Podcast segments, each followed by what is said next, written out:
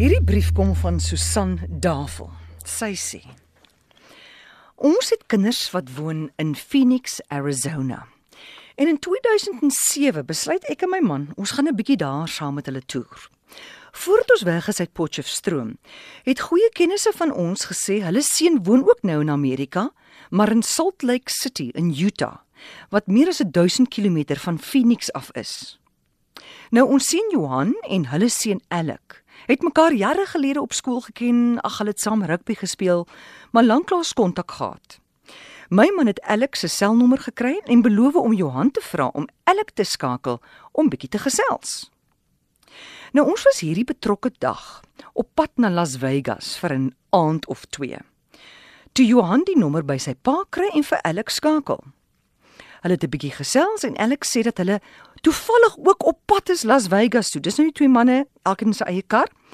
Hulle is ook op pad Las Vegas toe vir die naweek.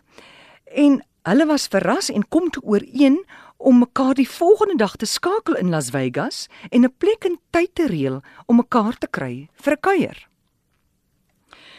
Die volgende oggend, vroeg al, kry Johan ons sien nou Alex se oproep.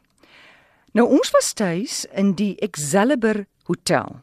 En op Johan se vraag antwoord Alec dat hulle ook in dieselfde hotel tuis is. Ek meen dit was al klaar uitsonderlik.